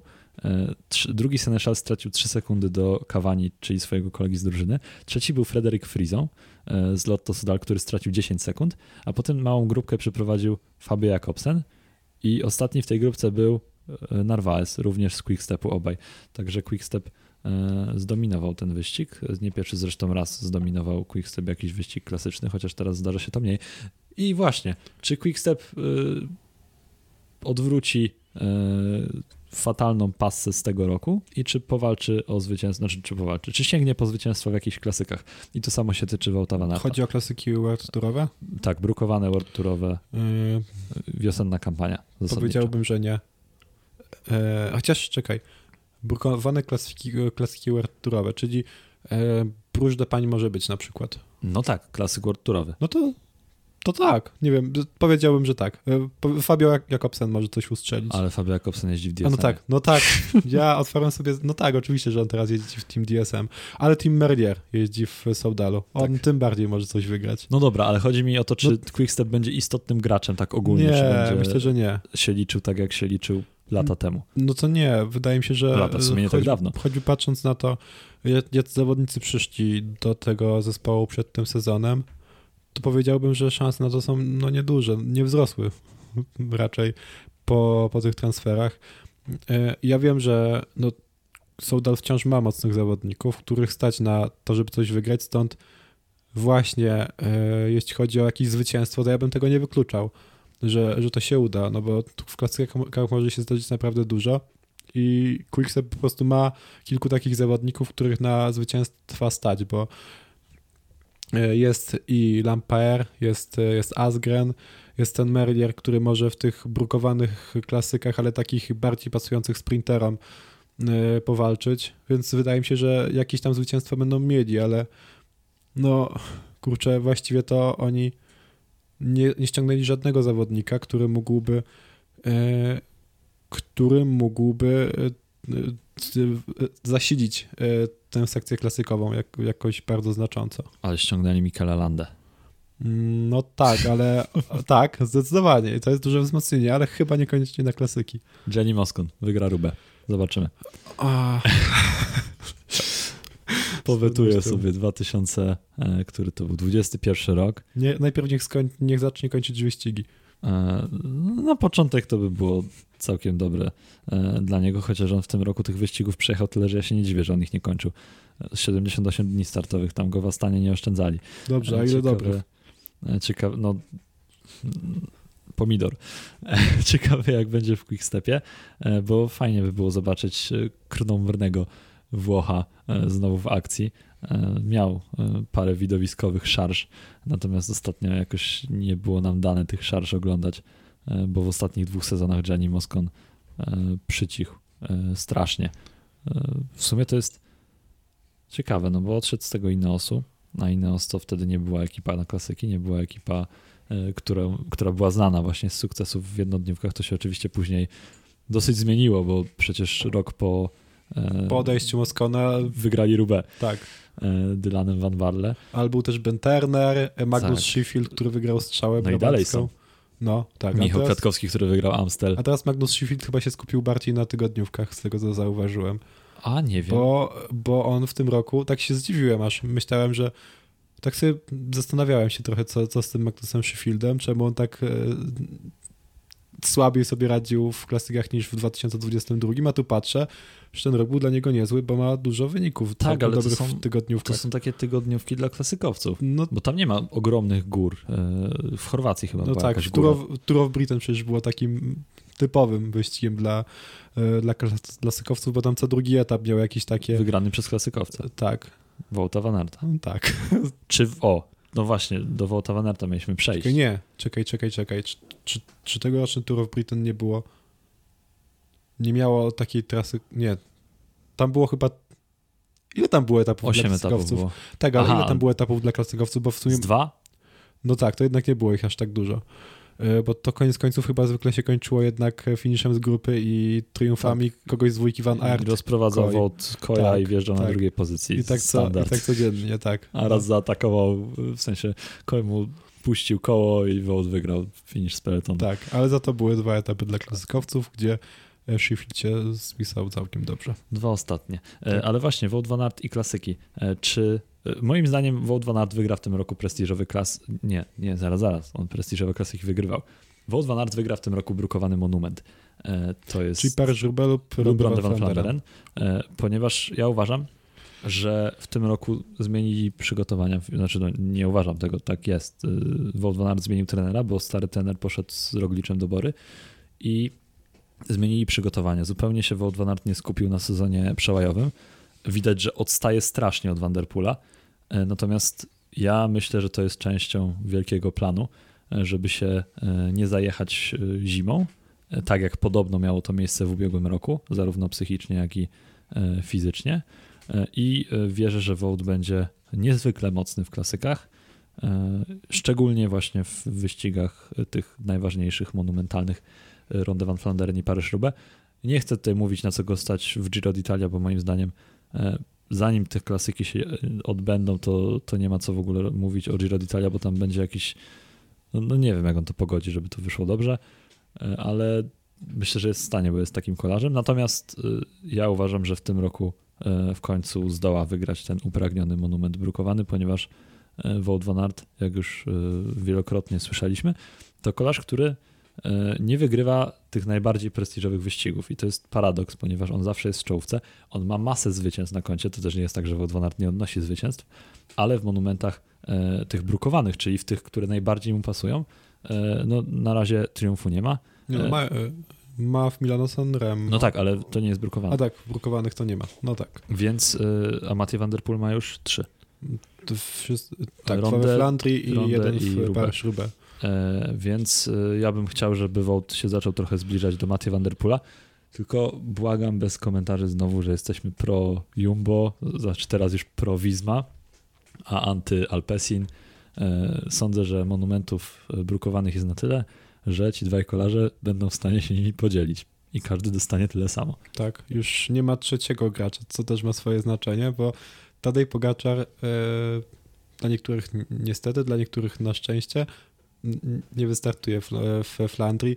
więc też właśnie mogą się, mogą sobie usiąść we dwójkę, ustalić, e, który z nich co wygrywa i, i tyle. Nie będzie tam nikt im się e, wtrącał. Nie no, dobra, klasyki są takie, że często się ktoś jednak wtrąca, ale po prostu chodzi Mas o to, Pedersen. że, że jak jest, tak, jak jest, jak jest dwóch mocnych kola, dwóch bardzo mocnych kolarzy, e, a nie trzech, to e, to szanse na to są większe. I też wydaje mi się, że Wout van Aert ma większe szanse niż, niż w poprzednim roku na to, żeby sięgnąć po jakiś e, monumentalny triumf. Właśnie z tego powodu, że raz nie ma Pogaczara, a dwa, że no właśnie ta taktyka z odpuszczeniem sezonu. Nie takim całkowitym. Oczywiście, bo to, to nie jest całkowite. tak, bo no zresztą zdarza mu się wygrywać te przełaje. Jak ale akurat, jak, akurat, jak, nie ma, nie startuje. Jak nie ma Vanderpoola. Także ciężko mówić, że odpuszcza sezon przełajowy, ale to, że mm, że nie zaangażował się w niego tak bardzo jak zwykle, no może przynieść jakieś pozytywne efekty. Miejmy nadzieję, że przyniesie, bo fajnie by było jakby, to nawet nie mówię o tym, żeby Wout wygrywał te wyścigi, bo tak jak mówię, ja nie mam jakichś wielkich faworytów i ulubionych kolarzy wśród e, tych najlepszych zawodników, e, więc mi to w zasadzie obojętne, kto te wyścigi wygrywa, ale myślę, że jakby Wout zbliżył się poziomem do Mattia van der żeby byli na bardzo, żeby byli w bardzo podobnej dyspozycji właśnie na ten czas brukowanych monumentów, to by było super dla widowiska, szczególnie jak nie będzie Pogaczara, bo jednak w ubiegłym roku w rondę Wout odstawał, E, a w Paryż-Roubaix pechowo miał defekt i, e, i tak się skończyła walka Wołta Vanata o zwycięstwo z Mattie Van Der Poelem. E, więc miejmy nadzieję na ekscytującą wiosnę. Właśnie to się trochę wiąże z pytaniem numer 5, które przygotowałem. Znaczy, bo ta lista jest, jest ponumerowana, ale ja nie zadaję tych pytań po kolei, ale to, to pytanie, które mam tutaj, które zadam teraz, e, no jest pod numerem piątym. Czy Jumbo Visma jest w stanie po, powtórzyć magiczny sezon? I nie chodzi mi o to, że wygra trzy, trzy wielkie tury, bo to moim zdaniem nie jest możliwe. Nie wierzę w to, ale czy tak sumując e, występy w monumentach i w wielkich turach jest w stanie powiedzmy nawiązać do sukcesów z ubiegłego sezonu, mieć równie udany sezon co, co wtedy, bo jest pole do poprawy, bo w zeszłym roku nie wygrali żadnego monumentu. Moim zdaniem jak wygrają tylko no, no ciężko jest, to, to nie są jakieś równe odważniki, które stawiają no tak. po jednej i drugiej stronie szali, ale wydaje mi się, że jak Jumbo Visma by wygrało, Visma Lise Bike, e, wygrałoby wiosenny monument, potem Tour, wiadomo, to jest argument, e, e, który no, no, musi się pojawić Tour de France, żeby ten, można było mówić w ogóle o tym, że sezon 2024 będzie lepszy albo porównywalny i potem Vuelta to wtedy ten sezon będzie równie dobry. E, no ja myślę, że musieliby wygrać dwa monumenty. Ale to trochę za dużo. Ja, ja, sobie nie wyobrażam, żeby oni wygrali dwa monumenty. Nie, no ja wyobrażam. Mają Christopha Laporta, który spokojnie może walczyć e, w trzech monumentach. No tak, no, Mają no wiadomo, że mogą walczyć w każdym. Który może walczyć w trzech monumentach. E, no czekaj, mają kogoś na Lombardię, no nie za, no. Jonas Winnego mógłby nawet, nawet spróbować powalczyć w, e, w Lombardii, a sam e, Tadej Pogaczar mówi, że mógłby też walczyć we Flandrii. Przypominam Tak, ale no, ten e... Jonas na klasyki to na razie jest no tak, niesprawdzony. Jest, tak, nie wiadomo, duża. E, Wout van Aert e, wiadomo na Bruki, na Sanremo ciężary, bo Wout nie startuje, a Laport wątpię, że w Sanremo będzie w stanie kogoś ugryźć tym bardziej jak Sanremo wystartuje Mathieu Van Der Poel, a on chyba ma to w planach, bo on ma w planach wszystko w tym roku. E, podobnie jak e, Tadej Pogaczar i Chociaż podobnie jak Wilson Paules. nie ma. Tak, Pogaczar. oczywiście, że Mathieu Van Der Poel startuje w Mediano Sanremo, bo, bo czemu nie? Tam też jest Arno Deli, jest Jasper Philipsen przede wszystkim, więc wydaje mi się, że tam będzie ciężko. No a czy Wout van Aert jest w stanie wygrać Paryż-Roubaix i Ronde van Flanderen w jednym sezonie, jedno jest. po drugim? Dlaczego no nie? Oczywiście, że no jest, jak, tylko jak... czy to jest prawdopodobne, że tak się stanie? Moim zdaniem nie. Nie w obecnej sytuacji, gdzie mamy tak wiele gwiazd, oczywiście Pogaczara nie ma, ale jest Van Der Poel, e, jest też masa innych kolarzy, a Jumbo-Visma nie, niekoniecznie postawi na Wołta Van Arta na przykład w Paryż-Roubaix. No to, no to jeśli... Znaczy będzie liderem, wiadomo, ale niekoniecznie to on musi Dobrze, no to jeśli, tym... jeśli Wout Van Aert wygra y, Ronde van Flanderen, E, i jednocześnie Jumbo ma A no tak, tak, że... Okay. Widzę, że się zakręciłem, tak, bo teraz już nie rozmawiamy o Wołcie, tak. tylko o Jumbo No tak, ale No nie, ja nie sądzę, że Jumbo Visma będzie w stanie wygrać dwa monumenty w tym sezonie. Ja uważam, że to jest możliwe, ale też e, jeśli mamy podjąć jakąś taką e, jednoznaczną e, decyzję, to nie, raczej nie. Ale kto wie, bo przecież to jest kolarstwo. To jest Dokładnie tak. Ciężki sport wytrzymałościowy i wszystkie rzeczy mogą się tam zdarzyć. Teraz- Jakie pytanie jeszcze, bo ja już y, Ja mam jeszcze, poza jednym nie mam żadnego. ja mam jeszcze pewnie jeszcze 5 czy 6 czy 7, To strasznie ale tak, ale nie, nie, nie przerobimy ich wszystkich na pewno. Na pewno trzeba zadać sobie pytanie, czy Mark Cavendish wygra etap Tour de France. Tak. Też tak myślę. Dziękuję. Też tak myślę. E, Znaczy nie, no, można to troszeczkę rozwinąć, bo to jest ciekawy temat, ale moim zdaniem super pociąg, e, bo Mm. tamten ubiegłoroczny też e, można było kreować na super, ale okazało się, że suma summarum to w ogóle nie był pociąg, bo Cavendish sobie radził sam. Je, ale jest opcja, że w tym roku będzie, będzie inaczej, no bo do, do tej ekipy dołączyło kilku bardzo dobrych kolarzy. E, Na przykład. Dla mnie sam Ballerini z Morkowem wystarczą. No, tak. A jeszcze, e, jeszcze ktoś dołączył oprócz nich chyba. Czekaj, to sprawdzam teraz, kto taki dołączył jeszcze. Dołączył Rudiger Zelik na przykład, Rudiger e, Zelik, no. tylko no nie wiem, w sensie No Rudiger Zelik to jest przecież e, były rozprowadzający Pascala Karmana Tak, z, ale z nie wiem, takiego on- najlepszych sezonów. Nie wiem, czy to nie będzie tak, że on będzie podporządkowany Kanterowi e, jednak, a Ballerini z Morkowem będą e, jechać, jeździć z Cavendishem, bo e, Cavendish też wymieniał e, ojejku Fedorowa, Mhm, że tak. on, no i tak by było, bo Fedorow e, będzie naprawdę bardzo mocny jako ten trzeci od końca, załóżmy, rozprowadzający, e, żeby przejechać te kilkaset metrów z przodu albo nawet trochę więcej. E, To jest wielki, potężny zawodnik, który pewnie produkuje niesamowitą moc, a Ballerini z Morkowem już pokazali kilkukrotnie, że Cavendisha w końcówce potrafią ustawić na dobrej pozycji. No tak, tak Cavendish wygrał raz, dwa, trzy, cztery etapy Tour de France. E, Tak, więc e, no ja uważam, że, e, że to się uda w jakiś sposób. No raz tak, bo na pe, no, że na pewno nie, bo w przypadku, w przypadku Marka Cavendisha po tym, co pokazał w 2021 roku, e, trudno powiedzieć, że coś jest niemożliwe.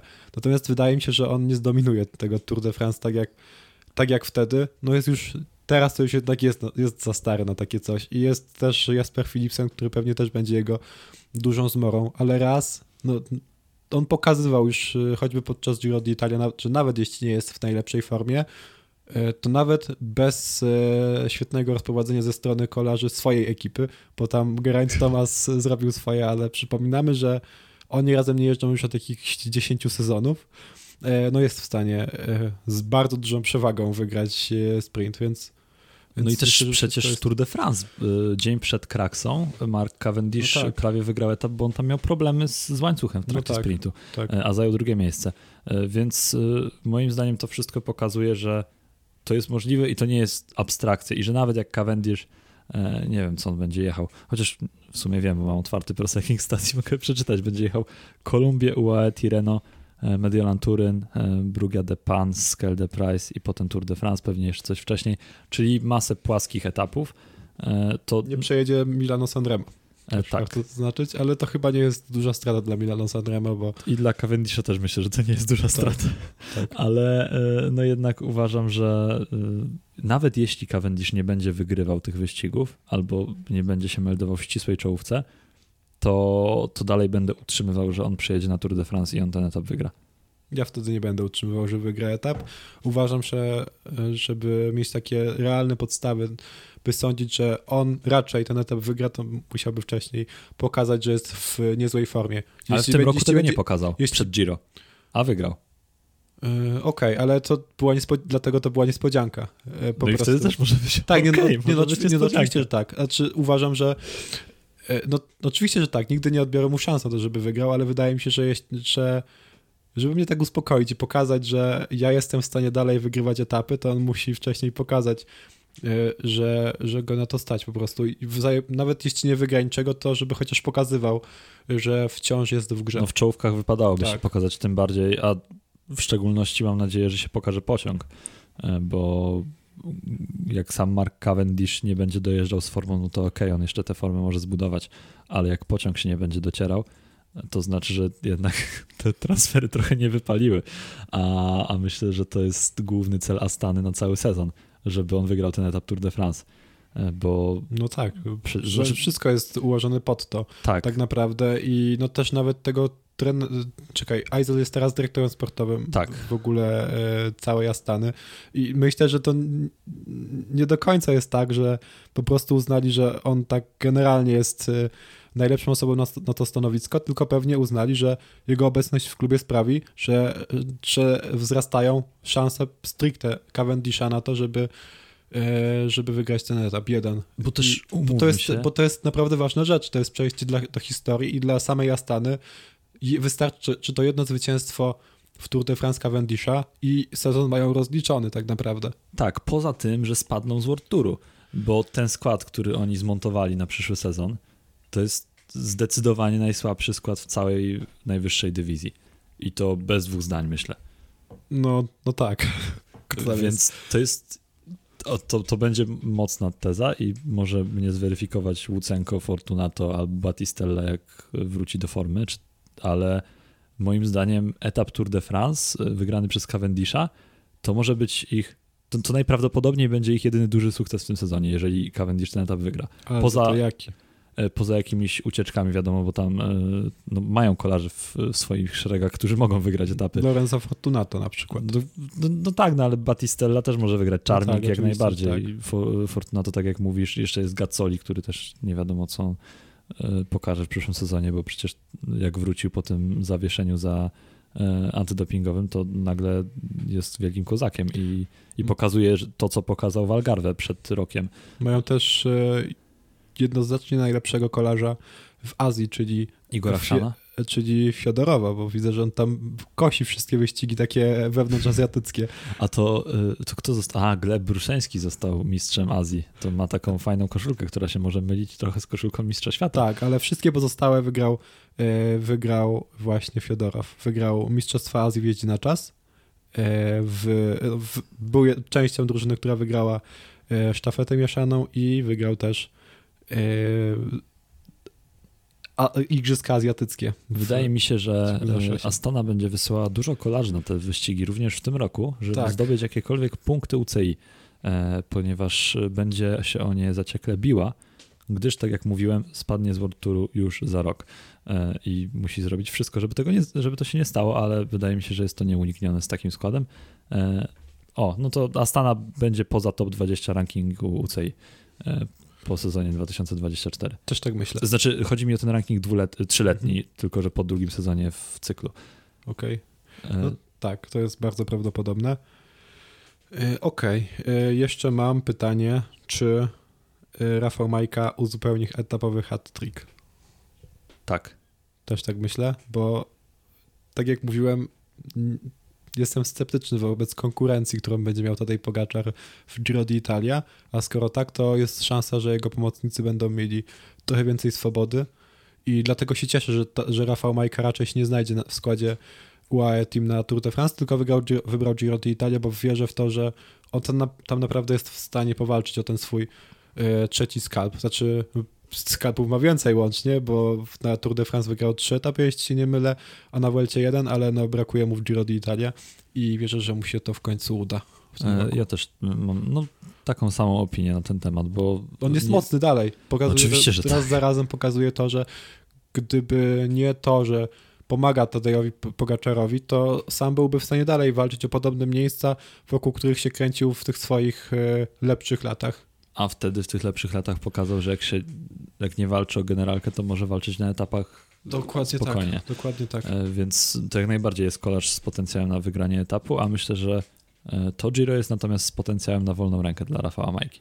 Tak. E, Przez to oczywiście nie na każdym etapie, ale Tadej Pogaczar nie będzie potrzebował siedmioosobowej obstawy w górach przeciwko, no nie wiem, Hindleyowi to może jeszcze, ale tam nie wiem, kto jeszcze pojedzie na to Giro, ale wygląda to bardzo miernie. Nairo Quintana. Może się okazać, że Giro d'Italia będzie najgorszym wielkim turem w historii i będzie, będziemy mówili za rok, że Giro d'Italia 2023 było lepsze niż 2024. No tam był przynajmniej, przynajmniej ten, tam ten się jeden, przynajmniej coś działo, jeden, tam jakieś tam był jeden magiczny moment, i który uratował ten wyścig. A tu na razie się zapowiada bez emocji, ale to nam, miejmy nadzieję, wynagrodzi lipiec, chociaż ja też mam Jako fan Tadeja Pogaczara nie mam nic przeciwko Ja temu. mam złe przeczucie Tym bardziej, że dzięki temu Majka może coś zyskać, więc ja myślę, ja mam przeczucie, że nie będę narzekał na to, co się dzieje w Giro d'Italia. No, zobaczymy, jak to się wszystko ułoży. Masz jeszcze, Bartku, jakieś pytania? E, tak, mam dużo pytań, ale myślę, że zależy mi najbardziej na tym, żeby zapytać o Remka Venepula, czy on nawiąże walkę z Wielką Trójką podczas Tour de France. Z Wielka Trójka, czyli Roglic, Finego i Pogaczar. Trzech króli. Tak. Czy Remco Evenepoel zostanie czwartym? E, no, no, moim zdaniem nie. Że to nie będzie wyrównana. Ogólnie uważam, że to nie będzie wyrównana walka. Tylko nie wiem, w jaką stronę to się rozłoży. E, Ale chodzi mi o to, że to nie będzie tak, że oni się będą ciąć, będą jeździć w łeb w łeb na podjazdach, w czterech będą przejeżdżać przez linię mety, sprint na metę 200-metrowy, czarowanie wcześniej przez 10 minut. E, To nie będzie tak wyglądało. Ja mam, mówiłem, że mówię, że Primoz Roglic wygra Tour de France, ale ja mam przeczucie, że Jonas Winigo ich tam zmiażdży wszystkich i że to nie będzie wielka trójka, tak jak w sumie teraz w przełajach, że miała być wielka trójka, jest wielki Mathieu van der Poel i tam wydaje mi się, że będzie wielki jeden kolarz, ale też mam wrażenie, że Remco Evenepoel będzie najsłabszy z tej całej gromady.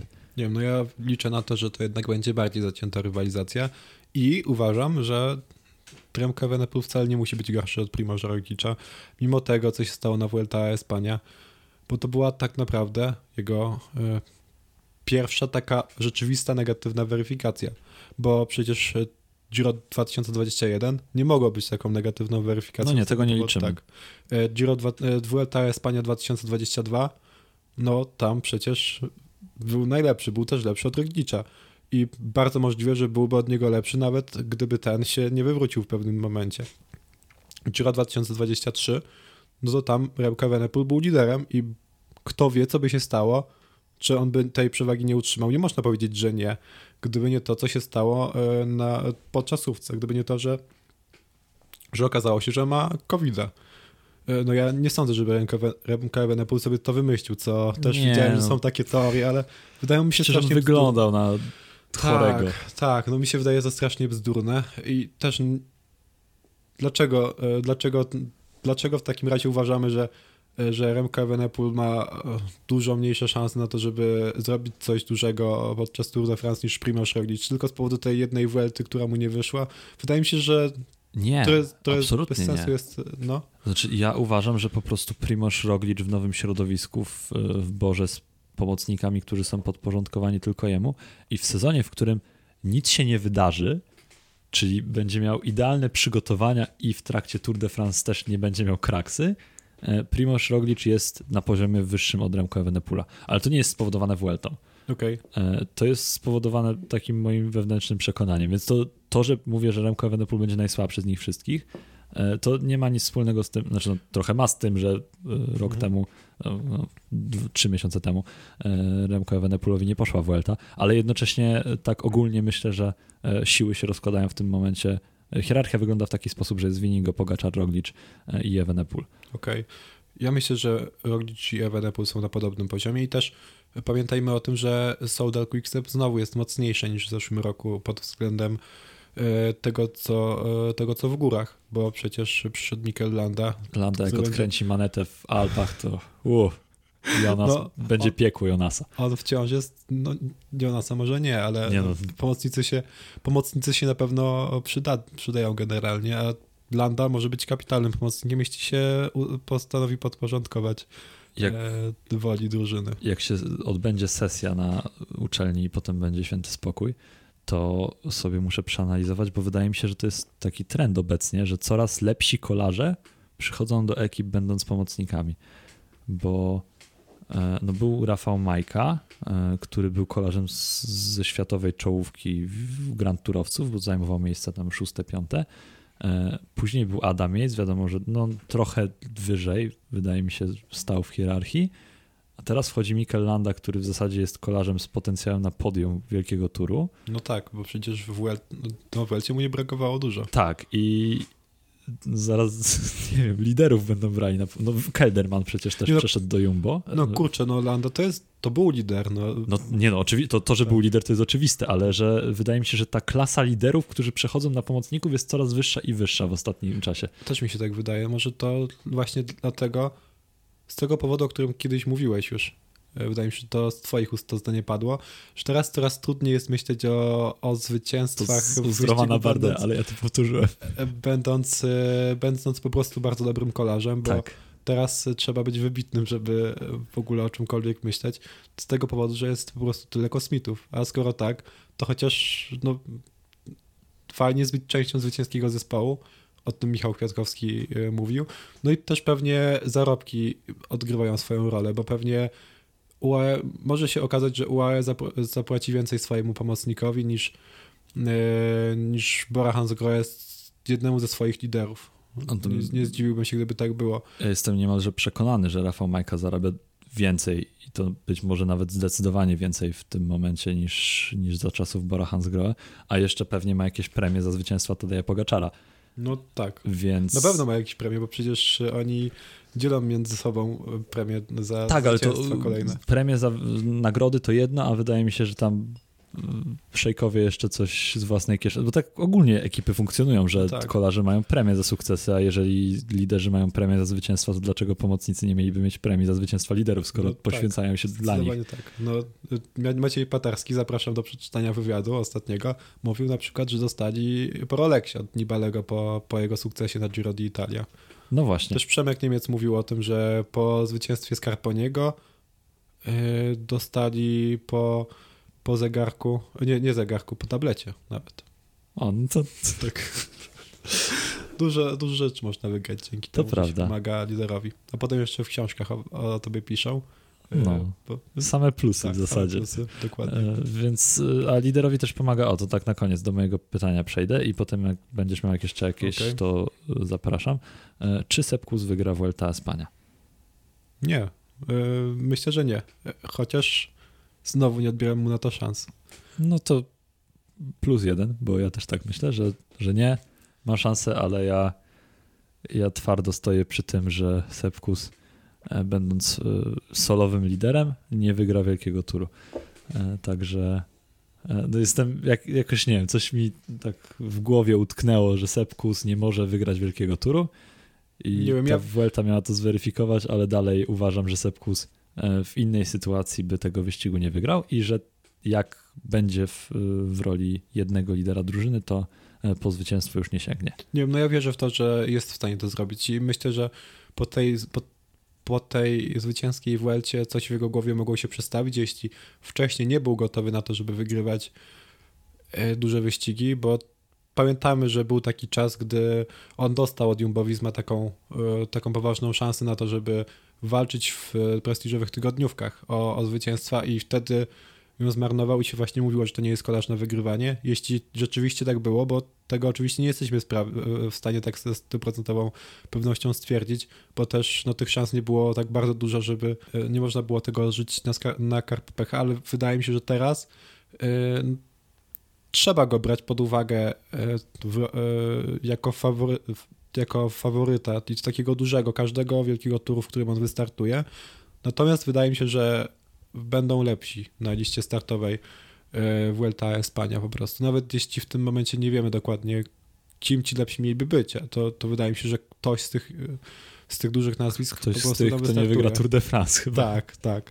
To tak wystartuje i wtedy wygląda. to on będzie miał większe szanse na zwycięstwo niż Sepkus, a Sepkus spokojnie może zająć miejsce na podium. Tak, e, to ja się z tym zgadzam, bo absolutnie nie chciałbym tutaj e, odejmować i ujmować e, Sepowikusowi umiejętności, bo te są niezwykłe i być może, tego nie wiemy, Sepkus jest najlepszym góralem obecnie. I to mówię nawet w zestawieniu z Jonasem Winigo bo w takich w, terenie stricte górskim wydaje mi się, że, że jest to całkiem możliwe, że Sepkus jest lepszy od Jonasa Winigo. E, tak pojedynczo, nie, nie wiem, no. regularnie no, dzień po dniu. Tak, okej. Okay. Ale na pewno jest w ścisłej czołówce, jeżeli chodzi o górali na, na świecie.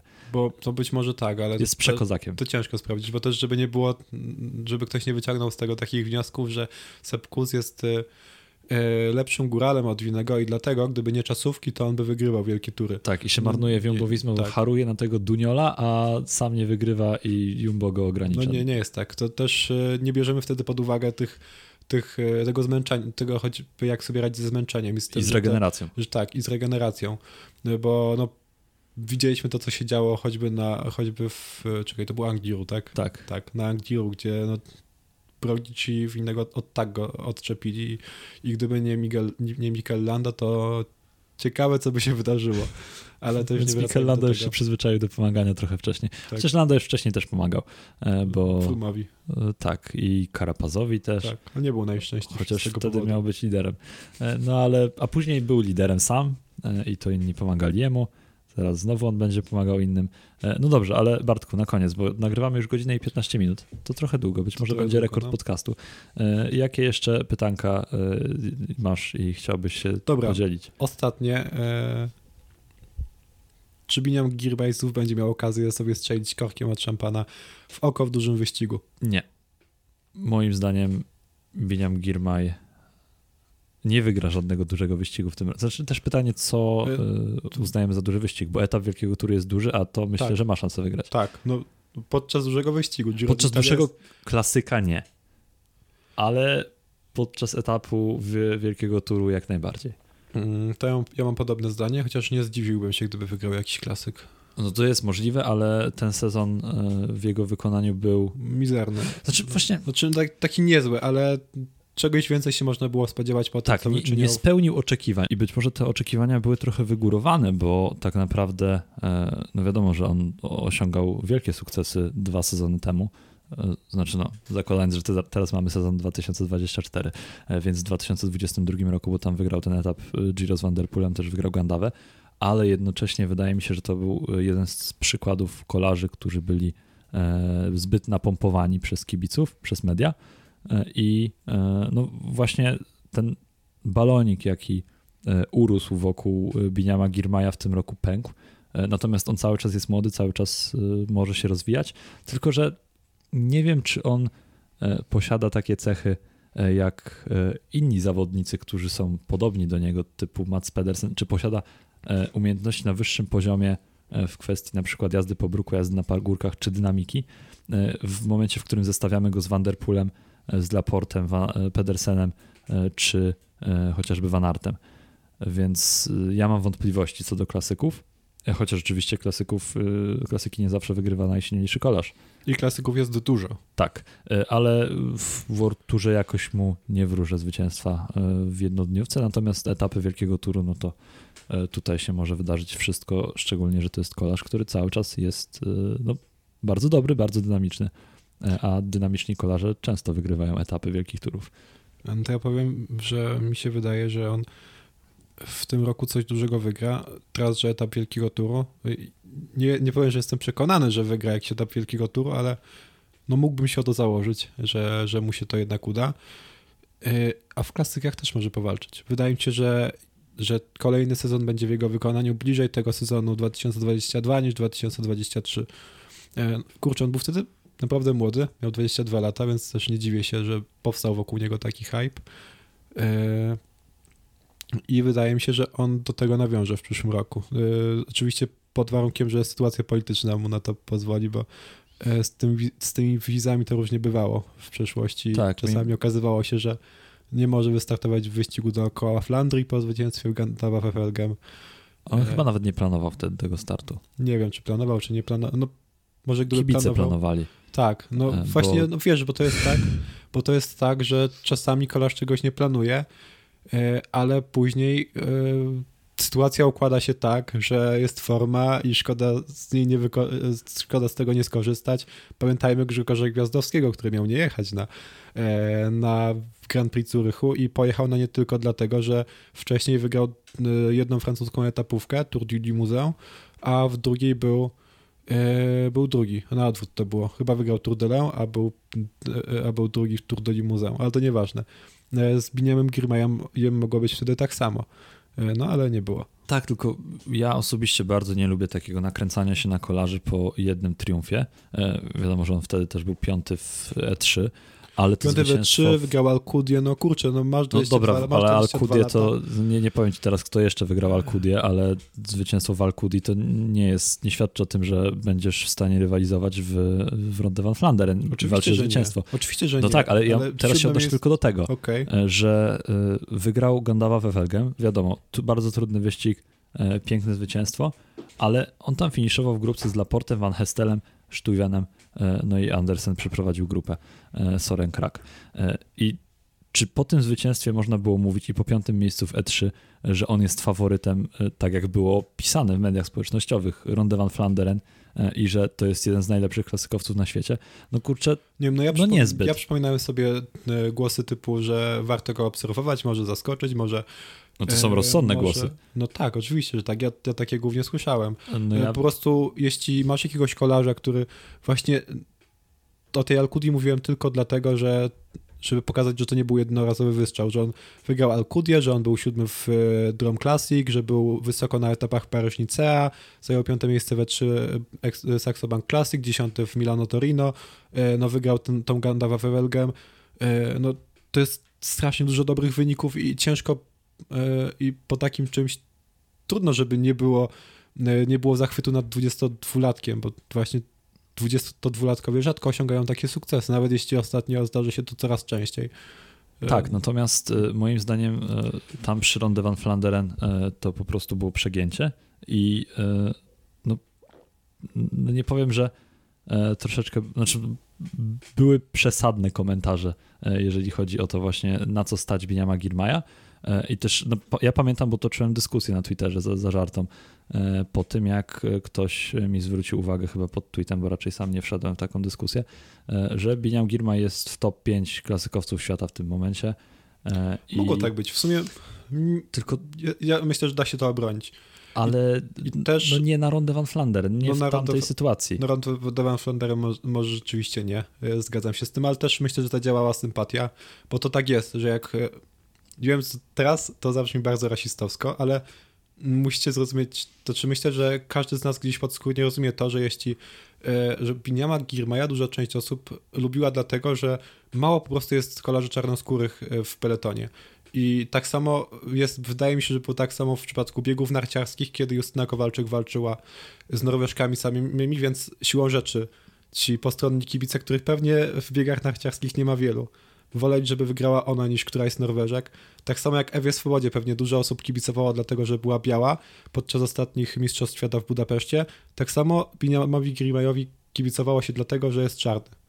Wydaje mi się, że to też nie ma nic dziwnego, bo chcemy różnorodności po prostu w sporcie i sam widzę, że cieszę się, kiedy Włosi na przykład ostatnio zaczęli odnosić su względne sukcesy w skokach narciarskich i tak dalej.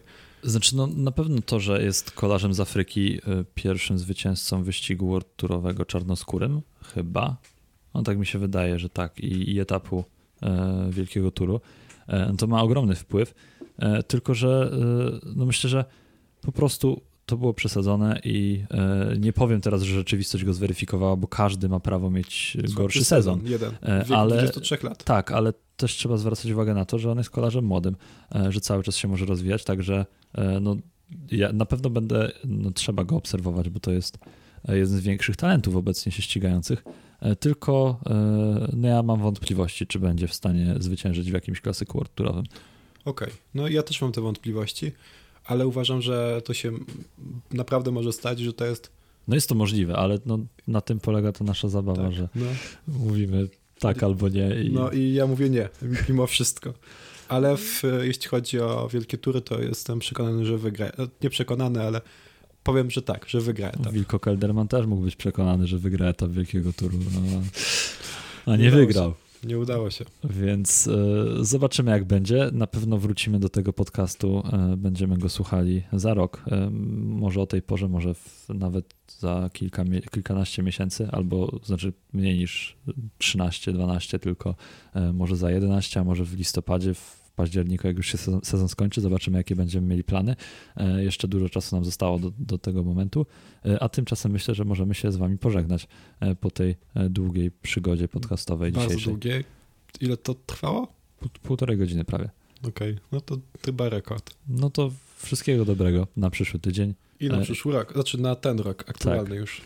Więc to tyle. Żegnają się z Wami Bartek Kozyra i Kacper Krawczyk i zapraszamy Was oczywiście do słuchania poprzednich odcinków, słuchania przyszłych odcinków, czytania na szosie.pl, bo będą się pojawiały ciekawe materiały w przyszłym tygodniu, także zapraszamy na naszą stronę i na Spotify. Do usłyszenia.